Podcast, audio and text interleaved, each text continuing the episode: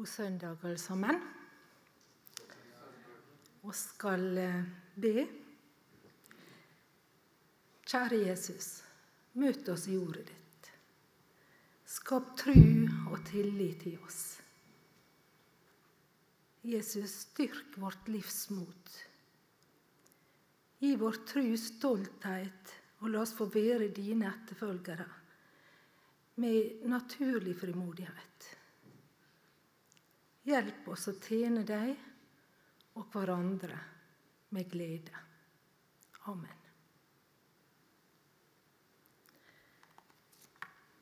I dag er det allehelgensdag, det er allerede vært sagt. Og dagen den blir markert som en minnedag for de som er døde. Og det er en dag med sorg og tomhet for mange. Men det kan også være en dag med rom for gode minner og takknemlighet. I kirka sin tradisjon er det også en dag for håp i trua på Jesus sin oppstandelse og Guds kjærleik som er sterkere enn døden. Og En sann dag er det naturlig å tenke på Jesus-truende mennesker som er gått foran oss. På deres liv, deres truspraksis, på deres liding, arbeid og prioriteringer. Jeg sjøl har mange, mange forbilder, trusforbilder, både fra egen historie og fra Bibelen. Og I dag vil jeg ta fram noen fra Bibelen som har betydd mye for meg. Gjennom dem har Gud gitt meg tru og frimodighet. Og jeg håper at oss alle kan lære noe av dem i dag. Ha meg til forbilde. Så langt jeg kan se i Bibelen, så er det bare én person som har sagt det sånn direkte om seg sjøl. Ha meg til forbilde. Og Hvis du allerede har tenkt på Paulus, så har du allerede, nei, så har du tenkt rett. Og det er sant. Paulus fortjener virkelig at vi ser på henne som et trosforbilde. Men i samme åndedrett som Paulus sier 'ha meg til forbilde', så sier han noe mer. Slik jeg har Kristus til forbilde. For det er med Jesus Kristus alt begynner. De personene som jeg vil trekke fram i dag, de har trua på Jesus som frelser og Herre felles. Og en ting til. Alle heter Maria. De er noen av mine forbilder i tru og hjertefølging. Maria det er et vanlig og vakkert navn.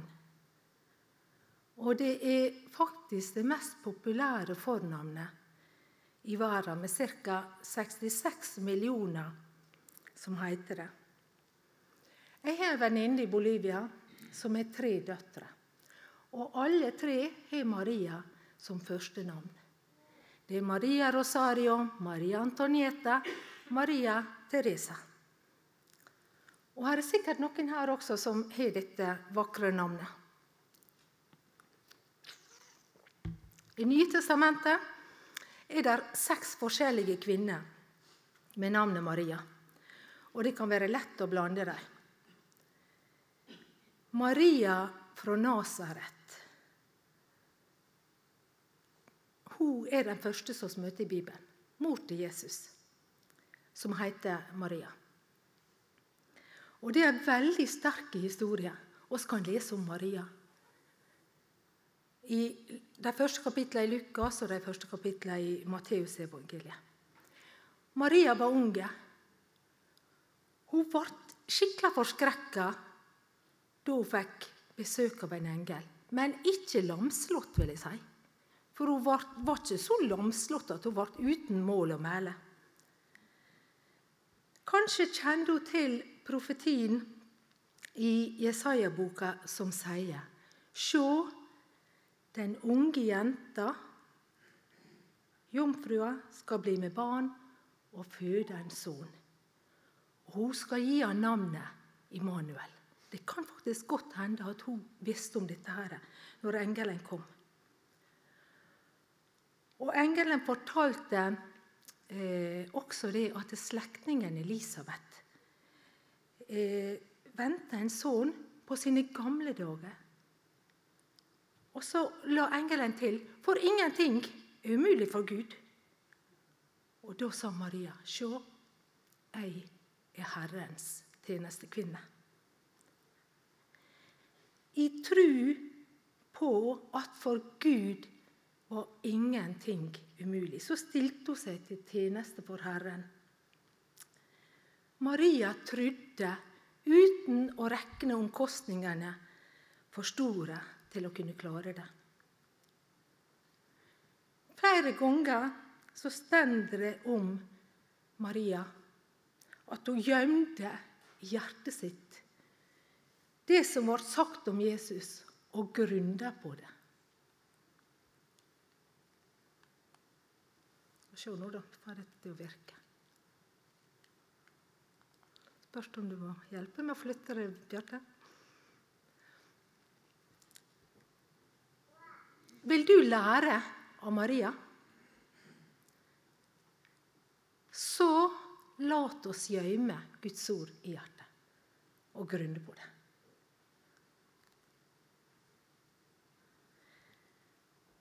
Maria fra Betania er det neste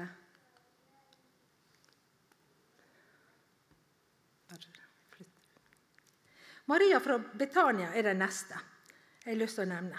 Hun var søster til Martha og Lasarus. Og hun bodde i Betania sammen med søsknene sine. I Johannes 11 så står det at Jesus var svært glad i Martha og søstera hennes og Lasarus. Og En gang så kom Jesus og disiplene hans til Betania. Ja, helt sikkert flere ganger. Men denne gangen har jeg lyst å nevne står de i Lukas 10. Men hvem var det denne her disippelflokken som var rundt Jesus? Ja, I Lukas 8 så står det litt om det. De tolv var med han, og noen kvinner som hadde blitt lekte for vonde ånder og sykdommer. Det var Maria med tilnavnet Magdalena, som sju vonde ånder hadde fart ut av. Johanna, som var gift med Kusa, en forvalter hos Herodes. Og Susanna og mange andre. Med alt de eide, tjente de Jesus og de tolv. Martha tok imot Jesus i heimen sin men hun var så travel med alt hun skulle ordne, at det tyder på at det var mange flere som var med Jesus. Maria hun satte seg ved Herrens føtter og lydde på ordet hans.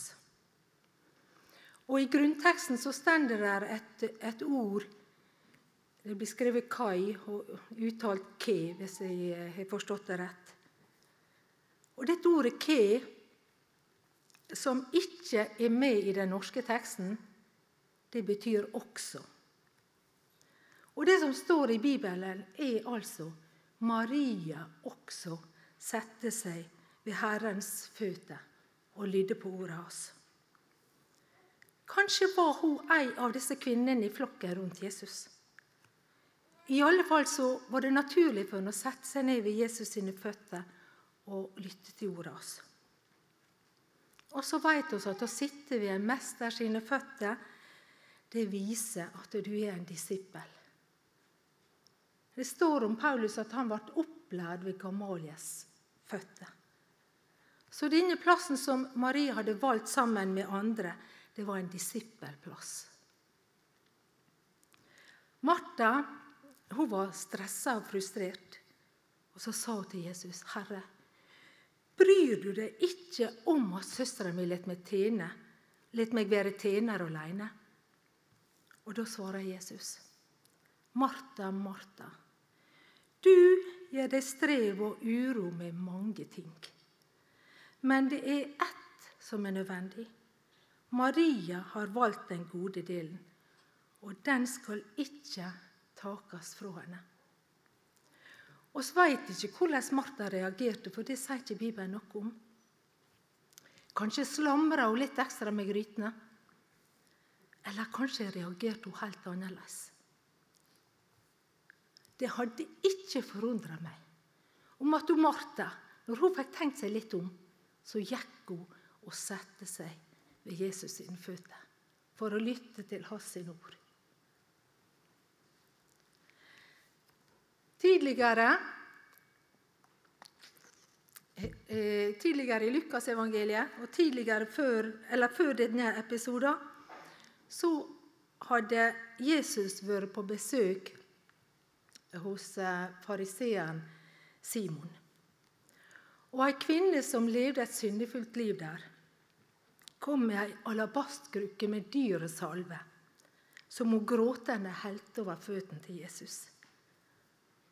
Og det var om henne Jesus sa de mange syndene hennes er tilgivne. Derfor har hun vist så stor kjærlighet. Og jeg vet ikke om Maria var til stede da dette, da dette skjedde. Om hun var der i huset sammen med Jesus. Men jeg har tenkt i alle fall at enten så var Maria der, eller så har hun hørt om denne episoden. Og så har hun blitt berørt av denne handlinga til den syndefulle kvinna som helte dyr nardusalve over Jesus. Kanskje hun til og med tenkte at dette har med lyst til å gjøre. I alle fall så gjentar denne historien seg i Betania like før Jesus sin død.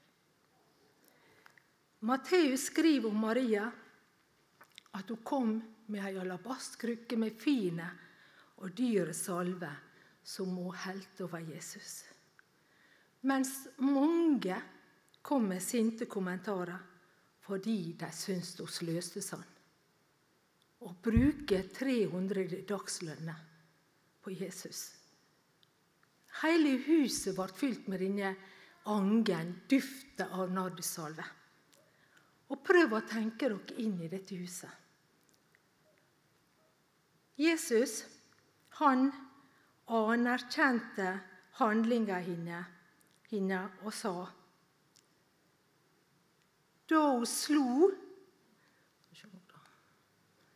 Da hun slo denne salven over kroppen min, salva hun meg til gravferda mi. Sannelig, jeg sier dykk. Overalt, i, overalt i verden der dette evangeliet blir forkynt, skal det hun gjorde, bli fortalt til minne om minne. Mykje stort blir borte i glemselens hav. Det veit oss. Men noen ganger så blir små ting gjort med store kjærleik stående og huska for alltid.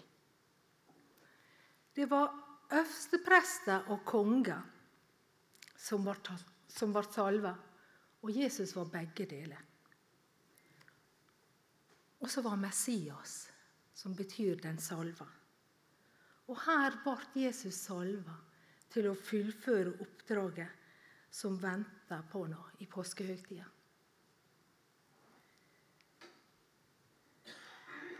Vil du lære av Maria,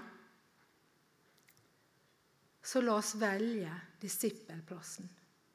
Prioritere tid sammen med Jesus. Den neste Maria hun er kona til Klopas.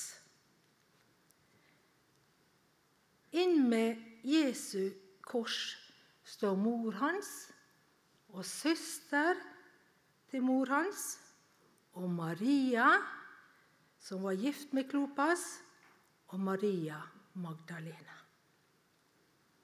Det var en liten flokk som var helt med korset til Jesus. Og ikke mindre enn tre av disse fire kvinnene het Maria. Maria mor, Maria Magdalena og Maria kona til Klopas, som også var mor til, til Jakob og Josef, står det en annen plass. De elska Jesus og ville være med Mesteren til det siste. Og de viste stort mot. Jeg tror ikke vi kan forstå hvor truende denne situasjonen var. De viste stort mot, omgitt av mange soldater, men dette ville de. Den ene Maria var altså gift med Klopas, og jeg har tenkt Mon tru om han Klopas er den samme som Kleopas, en av Emmaus-vandrerne. Da er kanskje den andre Emmaus-vandreren, den andre disippelen, rett og slett om Maria, kona til Klopas. Hun var iallfall en av de som sto Jesus veldig nær. Da fikk hun i tilfelle merke dette fantastiske at det hjertet som var fylt av bekymring og sorg, det begynte å brenne inne da Jesus talte til dem på veien og la ut for dem det som sto om hånda i alle skriftene, helt fra Moses og hos alle profetene. Disse to disiplene, Emmaus-vandrerne, de bodde i samme hus, og de laga mat til Jesus. Og da Jesus tok brødet, ba takkebønner og brøt det, da ble øynene deres åpna. Og de kjente han igjen. Og Dette får oss til å tenke på, på nattværen. At i nattværen så møter oss Jesus. Hans nåde, hans tilgivning. Vil du lære av Maria? Så la oss være uredde Jesus-vitner. Maria Magdalena er ei Maria, og henne kjenner oss til. Hun er ei av kvinnene som følger Jesus. Og hun er lidd store urett når hun blir framstilt som ei tidligere prostituert. Både i litteratur og i billedkunst. Så blir hun ofte framstilt som det. Det sier Bibelen ingenting om. Maria Magdalena hadde vært besatt av sju vonde ånder. Men besettelse trenger ikke ha noe med umoralsk liv å gjøre. Og Lukas antyder heller ikke med et eneste ord at Maria Magdalena var identisk med synderinnen, som vi leser om i Lukas 7. Men hun hadde bak seg et smertefullt liv og et stort mørke. Og at Jesus satte henne fri, det fylte henne med stor takknemlighet. Og hun forlot aldri Jesus etter det. Tidlig påskemorgen så kom Maria Magdalena og noen andre kvinner til, til grava idet sola sto opp veldig tidlig. Og de bekymra seg for hvem som skulle rulle vekk steinen fra grava. Men når de kom fram, så var steinen rulla vekk. Ikke for at Jesus skulle komme seg ut, for han var ikke avhengig av det. Men for at disiplene kunne komme inn og se. Og Maria Magdalena og noen andre kvinner de så inn, og der var det en engel som sa, 'Vær ikke redde' de lette etter Jesus fra Nasaret, den korsfesta. Men han er stått opp, han er ikke her. For ei oppleving. De gikk til apostlene og fortalte, men disse tenkte først at det var løst snakk. Seinere var Maria Magdalena, Magdalena tilbake i hagen. Og da fikk hun som den første møte Jesus etter oppstandelsen fra de døde. Og hun fikk et kall til å gå og fortelle om oppstandelsen. Jesus sin seier over døden. Maria Magdalena, vil du lære av henne? La oss gå til Jesus med vår smerte og fortelle om vår mester, at han lever, og at han har sigra over døden. Maria i Jerusalem Nå blir dere kjent med kartet i Israel. Maria i Jerusalem. Det står om henne, og det er vel bare én plass, tror jeg, og det er apostelgjerningene 12. Eh, hun var mora til Johannes Markus. Og Det er vel han som har skrevet Markusevangeliet. Og hun hadde et hus som var åpent for andre. Kong Herodes satte i gang forfølging av de kristne. Og lærersvennen Jakob ble henrettet med sverd. Og så ble han Peter kasta i fengsel med hensikt å skulle avrettes. Men forsamlinga, menigheta, ba inderlig for henne. Og Gud hørte bønna og sendte en engel som fridde henne ut. Og vel ute så ble engelen borte for Peter. Og hva var det som var naturlig, og den eneste tanken som sto i hodet hans da? Ja, det var å gå til Maria sitt hus. Og når han kom dit, så var det mange samla og holdt bønn. Og som jeg nevnte, de, de, menigheten ba inderlig til Gud for Peter. Og Jeg vet ikke hvordan dere er, men sjøl har jeg hatt litt sånn problem med dette ordet 'inderlig'. For når ber jeg inderlig? Og så er jeg ikke helt typen til det, tenker jeg. Eh, og så har jeg lurt veldig på det. Og så har jeg fått hjelp av ei bok som heter 'Innsikt', som går gjennom eh, ordene i grunnteksten. Og dette ordet 'inderlig' kan også omsettes med 'vedvarende'. Og det syns jeg er kjempeflott. For å holde ut i bønn er også å be inderlig. Å be vedvarende er å be inderlig. Jeg veit litt om både det å be og det å bli bedt for. Og Jeg har lyst bare å trekke fram ei, eh, noe jeg opplevde, eller noe som også opplevde i Bolivia som misjonærer der. Og Jeg ble alvorlig syk og havna på sykehus. Og det som jeg vil fortelle, det var om kvelden i Bolivia klokka, i nitida. Og i Norge så var klokka to om natta. Og Emil var hjemme med fire jenter. Og så fikk han telefon fra Norge. Da var det tre kvinner på Godøya som var med i foreningsarbeid, som var bønnekvinner. Som var i lag og både prata helt sikkert og ba. Og så ringte de og sa hva det er som står på. Og så kunne Emil fortelle det. Og så sa de vi skal be dere igjennom. Og det gjorde de. De ba oss gjennom. Å be inderlig og be å være utholdende og be vedvarende. Sånn oss lov å be.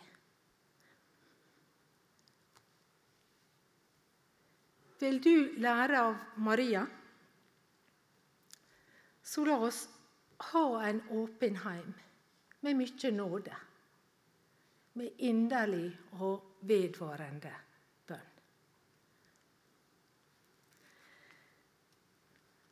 Den siste Maria jeg vil nevne, det er Maria i Roma. I Romane 16 står det nevnt ei Maria som bodde i Roma. Og bare ei setning står det om henne. Men denne setninga rommer ei vær av varme, av kjærleik, av omsorg og av sjøloppofrelse. Her kommer Paulus med ei sterk oppmuntring og verdsetting av en medarbeider. For han sier 'Hels Maria', som har arbeid så mye for dykk. Og I Nynorskbibelen står det 'Hels Maria', som har arbeid og slite så mye for dykk. Ikke noe mer får oss vite om henne, men likevel så er det så mye.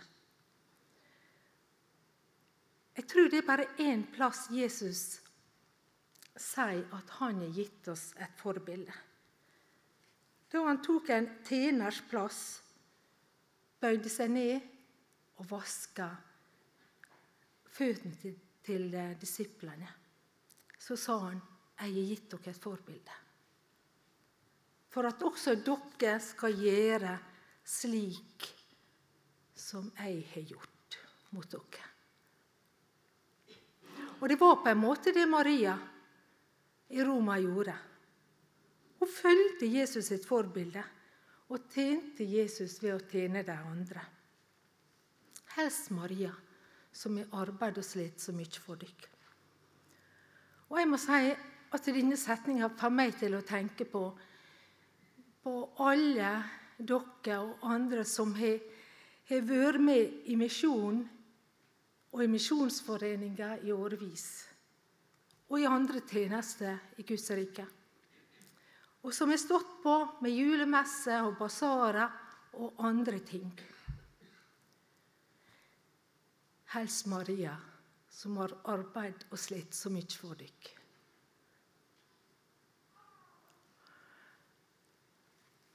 Vil du lære av Maria i Roma?